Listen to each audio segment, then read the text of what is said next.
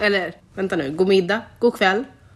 Du, det spelar ingen roll när du lyssnar in, det är bara kul att ha dig med. Du lyssnar alltså på ett helt nytt avsnitt av Feminvest-podden som leds av vår alldeles egna Mickan Berglund. Men innan vi dyker in i veckans samtal så ska jag och Rebecka gå igenom veckans ord, som är ett nytt segment här i podden. Förra veckan pratade vi om inflation och deflation och jag tänker att vi ska fortsätta på det spåret den här veckan för det finns så himla mycket att lära sig. Först och främst, hur uppstår en inflation? Och svaren är givetvis många. Det finns många orsaker till att det uppstår en inflation. Men jag ska ge er några exempel. Låt säga att en centralbank tillhandahåller för stora mängder pengar. Ja, vad händer då? Jo, priserna stiger och pengarnas värde minskar. Och inflation uppstår.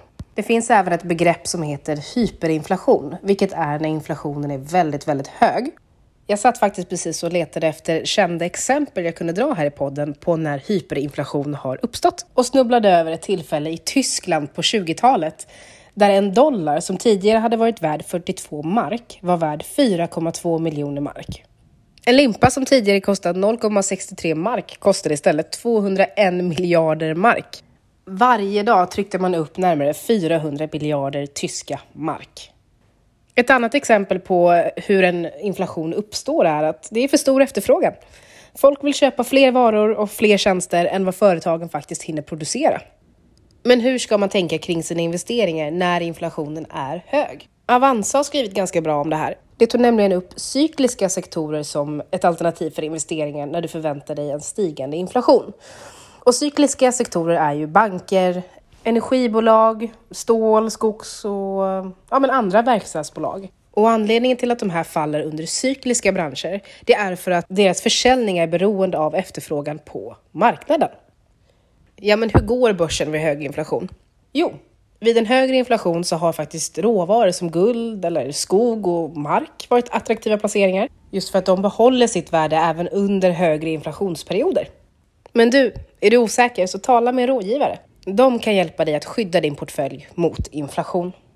Tack för den här veckan. Och du, har du något ord som du vill lära dig mer om? Skicka in det till oss. Du hittar oss på Facebook i gruppen Kvinnor som vill prata investeringar, på Instagram under Feminvest, Twitter, Feminvest och LinkedIn. Givetvis under Feminvest. Vi ses där!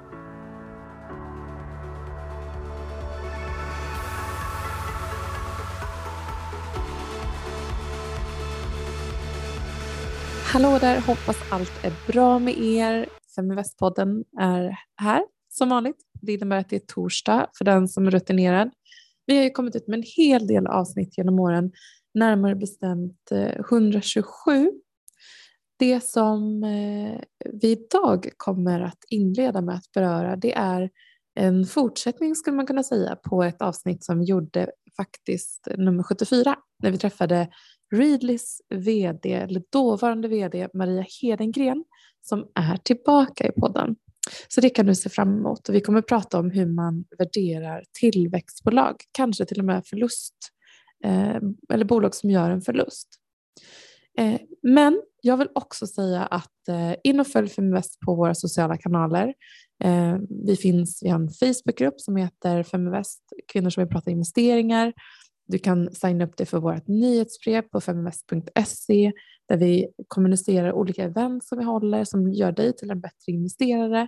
Vi har bland annat en kom igång med din trading nu eh, som eh, du kan eh, anmäla dig till.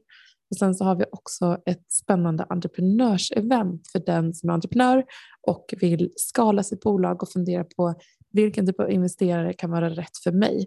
Så har vi ett event i Stockholm den 27 april som jag också eh, vill berätta om. Så att om du är entreprenör så hör av dig. Eh, du kan också söka på Feminvest hemsida för att hitta till eventet. Mikaela Berglund heter jag och jag driver Feminvest. Älskar tjejer som vågar ta för sig eh, när det kommer till ägande. Även om jag faktiskt inser att jag själv också ibland tycker att det är svårt att göra det. Vi börjar veckans samtal med Maria Hedingen. Maria, eh, hur mår du? Jag mår bra. Solen skiner, det är snart vår och eh, massa eh, spännande grejer på gång. Jobbar mycket just nu med på olika sätt stötta kvinnliga entreprenörer. peppa, inspirera, ehm, coacha och försöka bidra med eh, saker jag har lärt mig genom åren, miner jag har gått på.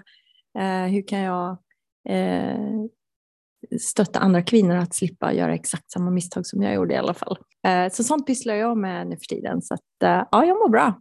För den som har följt din resa, eh, och man kan ju faktiskt lyssna in sig lite mer på den i det här avsnittet 74, där du faktiskt berättar om till exempel iSettle, den noteringen som ni skulle göra. Hela Sverige tittade mot det här svenska fintech-vidundret som var på väg till börsen och vips så blev ni uppköpta. Eh, och alla stod där med liksom skägget i brevlådan runt omkring och undrade hur hände det här?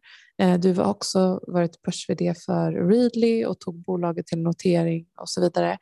Ehm, vad tänker du om liksom, vad du ser fram emot framåt? Nej, men, eh, min passion handlar ju väldigt mycket om tillväxtbolag. Eh, och eh, vad jag ser fram emot är att eh, i olika former stötta eh, bolag eh, som vill växa. Eh, hur ska de tänka kring fundingstrategier till exempel? Eh, och så småningom kanske de ser fram emot en IPO eller en annan typ av exit. Eh, men en massa andra eh, frågeställningar som dyker upp när man ska skala ett bolag. Det, det, det är ju både stort och smått som man eh, snubblar på på vägen så att säga. Ehm, så att sånt brinner jag för och det, det, är det jag kommer att jobba med framgent också.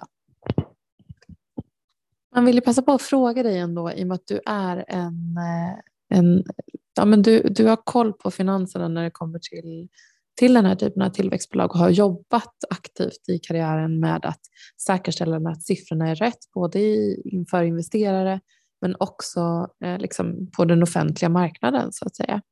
Eh, vad skulle du säga är en liksom förutfattad mening när det kommer till tillväxtbolag och liksom den här eh, ambitionen om att man ska tjäna pengar men man som investerare kanske undrar när?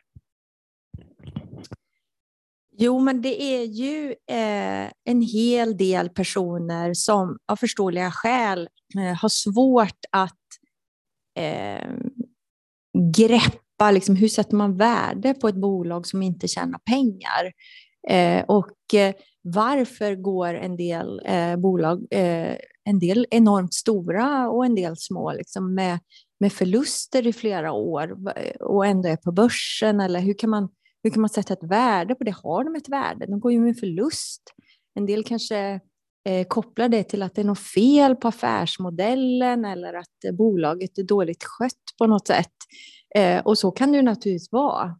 Eh, det, självklart så finns det eh, ett antal bolag där ute där förluster eh, beror just på faktorer som att det finns inte tillräckligt med efterfrågan eller, eller det är misskött på något sätt. Eller, men eh, det är inget lika med tecken eh, i, i ett tillväxtbolag som kanske har en fantastisk produkt eh, och en fantastisk marknadspotential men som behöver eh, dra ett antal år av, av förluster för att man gör stora investeringar. Och eh, jag tror en missuppfattning i den typen av bolag det är att man eh, kanske stirrar blint på en PNL, en in, alltså resultaträkningen.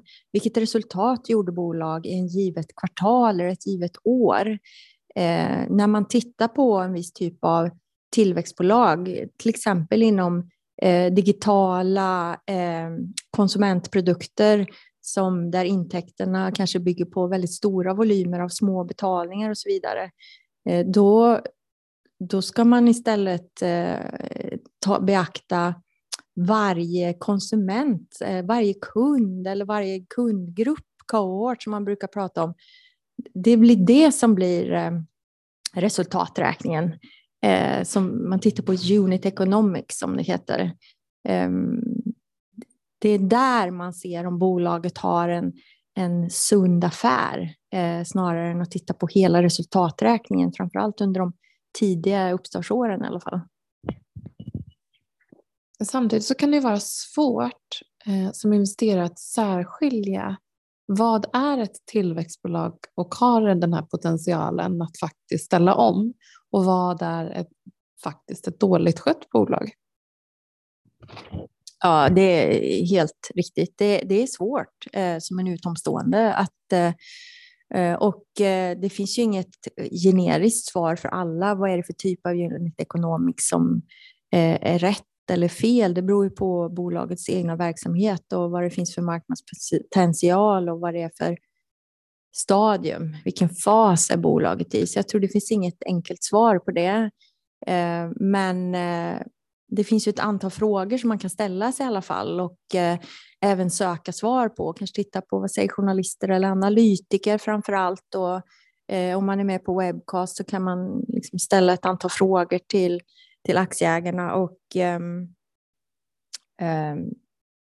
på det sättet försöka bilda sin uppfattning om man själv tror på, på verksamheten. Vilka frågor ska man ställa? Eh, jag, eh, utan att göra en uttömmande lista, så eh, det jag började prata om, det som man kallar för unit economics, det är en viktig faktor. Eh, och ibland kan det vara lite knivigt att hitta det, för det är inte alla bolag som vill eh, eh, redovisa det så öppet. Men vad många, till exempel prenumerationsrelaterade affärsmodeller, så tittar man då på lifetime value av en kund i förhållande till vad man kallar för CAC, Customer Acquisition Cost. Och lifetime value, det är helt enkelt vad är den totala intäkten som man förväntar sig att en given kund kommer generera så länge den är kund hos bolaget. Eh, man kanske betalar en, så här, 139 kronor i månaden eh, och man kanske stannar kvar som kund i tre år.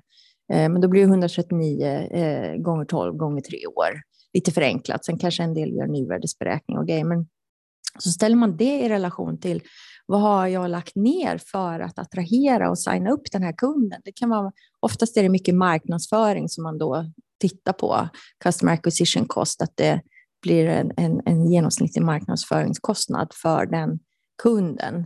Eh, och det ska naturligtvis vara positivt då. Och eh, olika prenumerationsverksamheter, man brukar tala allt mellan så här två upp till fem kanske gånger Eh, att lifetime value ska vara till CAC. Det beror lite olika på olika verksamheter. Eh, för att det som blir över där, det ska ju täcka alla andra fasta kostnader som personal och utveckling och lokaler och sådär. där. och ofta när bolag gör en börsintroduktion så är de mer öppna med den här typen av frågor. Det är inte alltid bolag på börsen redovisar det varje månad, men det, om man går tillbaka till prospekter till exempel eller tittar på vad analytiker säger i sina rapporter och så, så kan man ibland hitta lite vägledning. Och körn är en viktig faktor här också. Um, men eh, annars så får man titta på lite mjukare faktorer också. Som vad tror man om marknadspotentialen? Vad finns det för adresserbar marknad? Och många gånger varför de här bolagen kanske går med förlust också är för att eh, idag så har vi ju en exponentiell utveckling av teknik och kundbeteenden eh, vilket gör att time to market måste vara väldigt kort. Eh, och eh, många bolag upplever att de kanske måste ta en väldigt dominerande ställning väldigt snabbt för att överhuvudtaget ha ett existensberättigande och då går de in väldigt tungt för att skala upp tillväxten snabbt i början. Eh, och då går det åt mycket pengar. Ehm, men det är de då som sen ska gilda eh, på längre sikt. Så att eh, vad har de för position? Vad har de jämte sina konkurrenter? Är de ledande eller bland de ledande? Eh, eller är de någon som ligger längst bak och kämpar? Det är en faktor jag tycker man ska titta på. Och ehm, jag tycker också att man ska titta på vad tycker kunderna? Vad, vad har de för omdömen av sina kunder? Eh, och eh, sen kan man också titta lite grann på hur mycket investerar de i, eh, i R&D eh, som procent av omsättning till exempel jämfört med sina peers eller konkurrenter.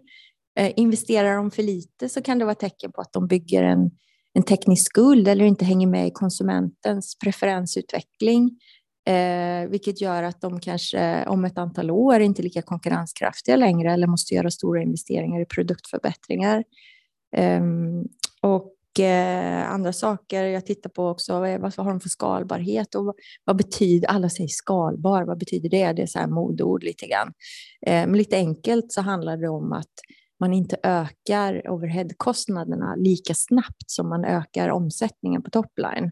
För det är klart att i tillväxtbolag måste man anställa mycket folk eller ta upp, öka lokaler och sådär.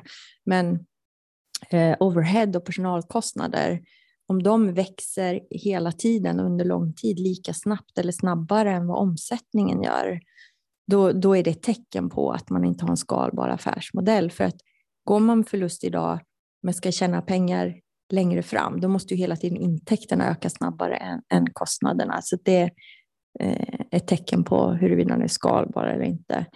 Ehm, så sådana saker, eh, det får bli lite detektivarbete. Men eh, om man kan hitta också peers kan man se hur de jämför eh, med andra typer av bolag som har liknande affärsmodell kan man också få en hint om om man är bäst i klassen eller om man är sämst i klassen eller om man har acceptabla unit economics. Mm, jättebra input. Jag, jag, tänker också, liksom, tillväxtbolag har ju länge varit så hett och man har följt eh, liksom, några av de bolagen både i onoterad miljö men också i noterad miljö. Men på, den, bland, på börsen egentligen så har ju de senaste, liksom den senaste, ja, men framförallt kanske sista året, så har ju värderingarna kommit ner lite. Och eh, vi har i och för sig inte sett jättestarka liksom, börskurser eller ökning av börskurserna på värdebolagen de som har en eh, omsättning och går med vinst och har gjort det under många år och liksom är mer stabila och inte i tillväxtfas på det sättet. Men vad skulle du säga, vad beskriver det här och vad är sentimentet i marknaden? Nej, men det här Eh, Eh, många pratar om sektorrotation på kapitalmarknadsspråk och det har ju varit på gång under en längre tid, kanske 6-9 månader eller ännu längre, där successivt har, eh, på grund av olika, mycket makroekonomiska faktorer, har gjort att investerare vill ha tryggare, tryggare eh, säkrare intäkt här och nu. Eh, det finns inte riktigt eh, samma tålamod kanske att vänta in eh, vinsterna. och Eh, så därför har flera eh, investerare lämnat eller reducerat innehavet i, i bolag som eh, förvisso är snabbväxande, väldigt innovativa, men som har ett antal år framför sig innan de kommer att visa vinst. Och istället investerade i, i verksamheter som redan har vinstgenerering idag. Det är det som kallas för sektorrotation. Men jag skulle säga att sentimentet generellt sett idag är ju extremt svårt naturligtvis på grund av kriget i Ukraina och med inflation och, och osäkerhet kring och räntorna tror man kommer gå upp och så där. Så det är så mycket som påverkar börsen idag. Eh, och eh, då, då vill många investerare ha vad de upplever vara en säkrare. Man kanske inte har lika långsiktig eh, Eh, horisont. Man kanske vill att ens investeringar ska kunna bli likvida på kortare sikt eh, beroende på vad som händer. Så det är lite tricky eh, klimat just nu där techsektorn eh, tar extra mycket stryk just nu. Mm, ja, man förstår ju. Det, är liksom, det kanske är så att vi kommer att se tillbaka på de här åren som har varit som de goda åren. Eh, the perfect storm, liksom, när alla olika parametrar stod på ett sätt som gjorde att det var extremt lukrativt att både börsnotera men också optimismen var väldigt stor, kostnaden för oss som privatpersoner var låga, vi kunde låna mycket pengar och så vidare. Så det kanske är så att vi är i en omställning. Eh, du kommer ju faktiskt dyka upp i Feminvest-podden eh, lite oftare framåt och fokusera lite på lyfta olika utbildande delar runt eh, eh hur man kan tänka som investerare, kanske runt tillväxtbolag men också andra frågor. Eh, så det ser jag jättemycket fram emot att få bolla lite eh, olika aktuella teman med dig. Men tack så jättemycket för att du var med i dagens podd.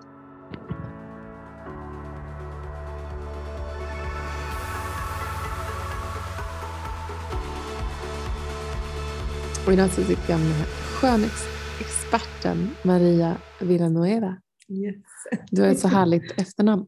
Eh, och du driver ju en, en skönhetscommunity där man kan få oberoende tips, det vill säga inte bli påkrängd produkter utan kan välja produkter som är anpassade efter hudtypen. Berätta om hur den här idén kom till. Tack för att jag fick komma. Eh, idén föddes, eller så här, började när jag flyttade hem efter att ha bott i London många år. Eh, och jag flyttade hem och såg att utbudet för mörkare hudfärger, alltså foundation och smink, var väldigt begränsad. Men ehm, mycket har hänt och nu har vi så flera syften varför vi finns. Syfte nummer två är att hitta, alltså det finns inget riktigt ställe man kan få ärliga rekommendationer av produkter för allting är nästan gjort för att man ska köpa och överkonsumera. Så vi vill på något sätt harmonisera marknaden där och göra att köp det som funkar för dig, det som är rätt för dig. Eh, Hur fungerar det då? Det, alltså vi analyserar just nu över 200 000 produkter. Eh, och nu har vi lagt till två nya butiker, så nu har vi Spin City och eh, Bangerhead. Så det vi gör är att vi ser in eh, produkterna och eh, vår användarprofil då, som du får fylla in frågor. Eh, vad du har för hudtyp, hudtillstånd och så vidare. Och så matchar vi det och ger en ärlig rekommendation på det som funkar. Sen är ju vår AI gjord att den blir smartare desto mer du använder det. Så desto mer du fyller i och vi har en funktion som vi kallar för huddagbok till exempel. Så man köper nya produkter och ska börja med en ny rutin så kan man följa upp och se så här, hur har processen gått och vad kan man göra mer utöver eh, det man gör nu. Men det måste ha varit en ganska lång resa ändå från att Eh, kanske jobbat med mm. skönhet som du har gjort innan mm. till att man startar ett bolag mm. eh, som man ska skala. Och jag vet att du har haft ögonen på några amerikanska mm. eh, bolag som har lyckats inom det här. Kan du berätta om föregångare eller som du mm. tänker att du ska kunna göra en liknande grej? Vi har haft ögonen på konkurrenter eh, ganska tidigt. Så när vi började skapa Beautyclick var 2020 då höll vi på att bygga allt och då eh, hade vi liksom koll på vad som är hett på marknaden. Och det var innan vi visste att pandemin skulle komma. Och då finns det ett amerikanskt bolag som heter Mira Beauty som lanserades 2020. Ehm, och de gör något liknande, de samlar in all, all reviews och eh, de flesta butikerna och matchar det. Så det är väl något, något liknande som oss. Eh, Sen har de lite, lite lik i vår community men inte alls på samma sätt. Eh, tycker jag. Men de kommer, jag, jag, har sett att de kommer göra om lite i sin, i sin sida så de håller väl på att lansera nya funktioner också. Men de har en AI eh, som är eh, rekommendationsbaserad, lik Netflix och Spotify. Vad vill du göra med det här bolaget? Oh, jag har stora planer och stora visioner och eh, en av, eh, alltså visionen är att du ska ha en egen liten skönhetsrådgivare i din ficka i form av liksom, kommande eh, funktioner som vi kommer släppa. Och det är att du kan gå in i en butik och eh, ha liksom din eh, profil i färdigfylld och eh, letar efter nya produkter så ska du kunna skanna den och så ska vår AI kunna rekommendera det utifrån produktinformationen som finns. Att nej, det här funkar inte för dig, köp inte. Eh, så att du ska kunna få dina rekommendationer utan att du går till någon som kan påverka det genom att de får provision eller på någonting annat. Samtidigt så är det ju det är svårt idag för det finns så många olika platser att handla skönhet på. Mm. Hur ska ni liksom säkerställa att ni är den platsen mm. som konsumenten kommer till?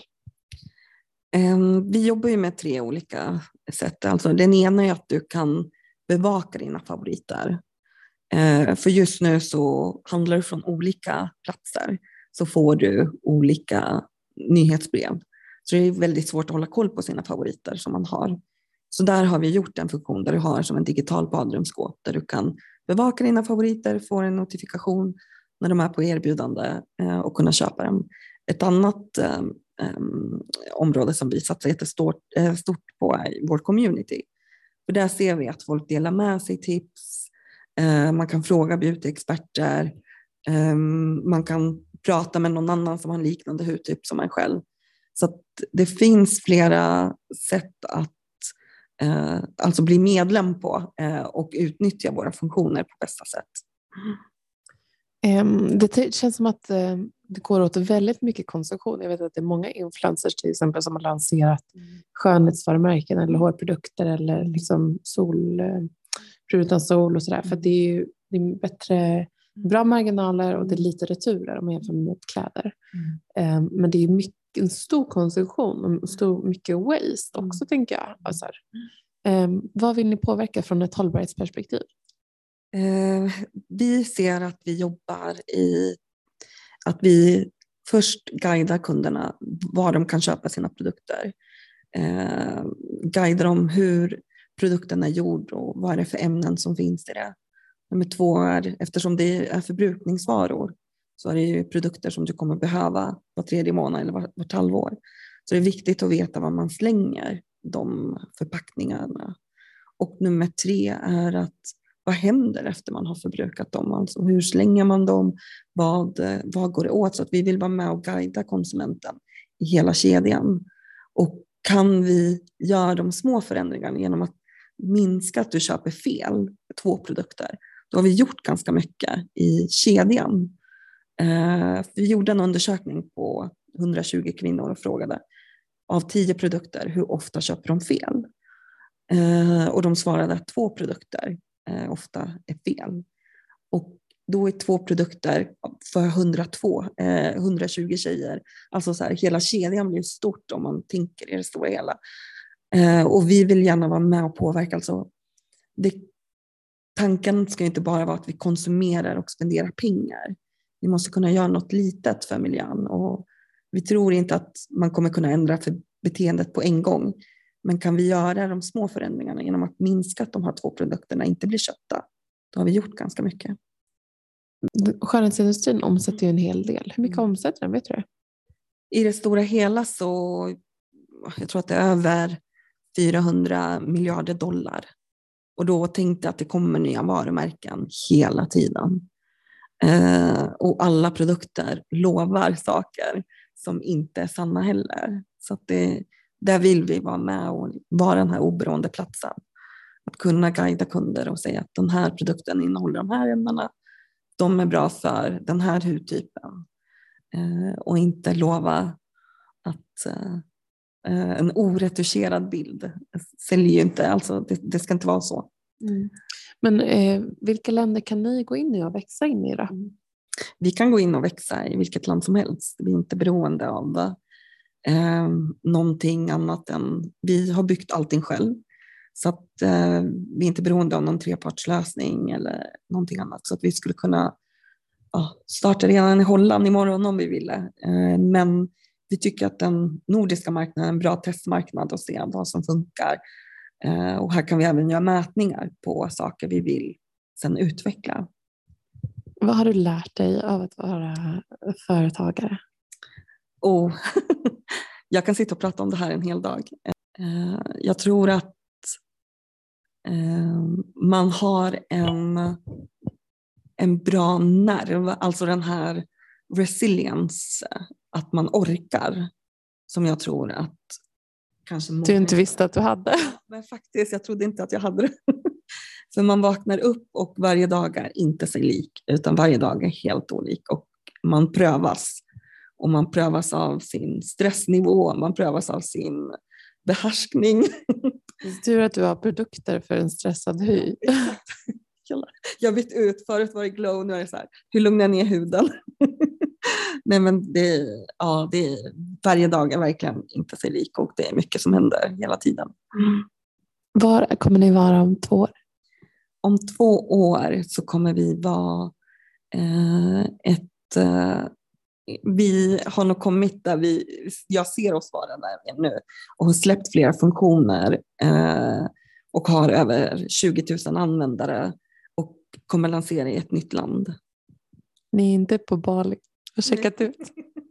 jo, jag kommer vara nej, men um, eh, nej, jag tror att vi kommer nog kanske lansera i något nytt land då.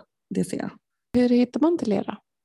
Man går in på www.beautyclick.com eh, och eh, signar upp sig och blir medlem. Ehm, jag tänker ändå att ehm, Det är många som är skönhetsintresserade eh, som lyssnar på, på den här podden. Eh, så jag tänker få passa på när du ändå sitter här med massa insight om du kan dela några skönhetstips. Ja, eh, jag tycker man ska satsa på en bra cleanser. För att olika cleanser så tar man bort hudbarriären eh, och gör att huden blir ja, lätt påverkad eller överkänslig eller stressad. Och det här är någonting som jag har lärt mig nu. Att jag trodde man skulle vakna upp och ha rosiga kinder. Tills jag insåg att jag bara använt fel produkter. Att nej, man ska inte göra det. Man ska ha en, en bra cleanser som inte sliter ut de här bra bakterierna från huden. Så satsa på det. Det finns några som är jättebra. Vad är en bra cleanser? En bra cleanser är um, eh, mild. Det ska liksom inte lukta mycket. Det ska inte lukta någonting alls. Eh, och det ska vara lätt att skölja av så det inte hamnar tvålrester på huden. Och det kan ju vara, eh, jag gillar Ceramic Slip heter den från Sunday Riley som är jättebra och sen så finns det ett K-beauty-företag som heter Renew som är jättebra. Mm. Och vad ska man ta på när man har tvättat bort? Eh... Då ska man ha en ceramidkräm. Eh, ceramid är någonting som finns i vår hud som typ fäster kollagen och alla de här bra eh, eh molekylerna för huden. Så att eh, ceramid, en ceramidkräm ska du ha för den återbygger hudens skyddsbarriär på något sätt. Och om man är en trött entreprenör, vad behöver man då? Då behöver man gå på spa, massage. Nej, men man behöver ha eh, en timmes digital detox. Eh, och så behöver man ha en ceramid, en ceramidkräm och en sheetmask och bara återfukta huden. Mm. Fukt, fukt, fukt och solskyddsfaktor. Ja. SPF 50 har jag i ansiktet. Ja, det är bra. Det ska man ha. Hörni, vi är tillbaka nästa vecka. Eh, in på Beautyclick och eh, förkovra er bland eh, den helt eh, individuella skönhetsrådgivningen. Mm. Faktiskt baserat på ens egna känns det är jättecoolt. Mm. Tack så mycket. Tack. Ta hand om er där ute eh, så hörs vi nästa vecka. Hej!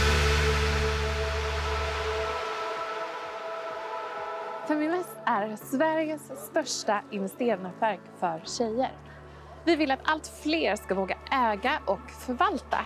Och hur gör vi då detta? Jo, vi vill inspirera, utbilda och utmana runt ägande, investeringar och entreprenörskap. Följ Feminvest på våra kanaler Facebook, Instagram, Youtube varje vecka så kommer vi även ut med en podd och du kan ju självklart även följa nyheterna som publiceras på feminvest.nu. Det är bara att söka på Feminvest på samtliga kanaler så hittar du till oss.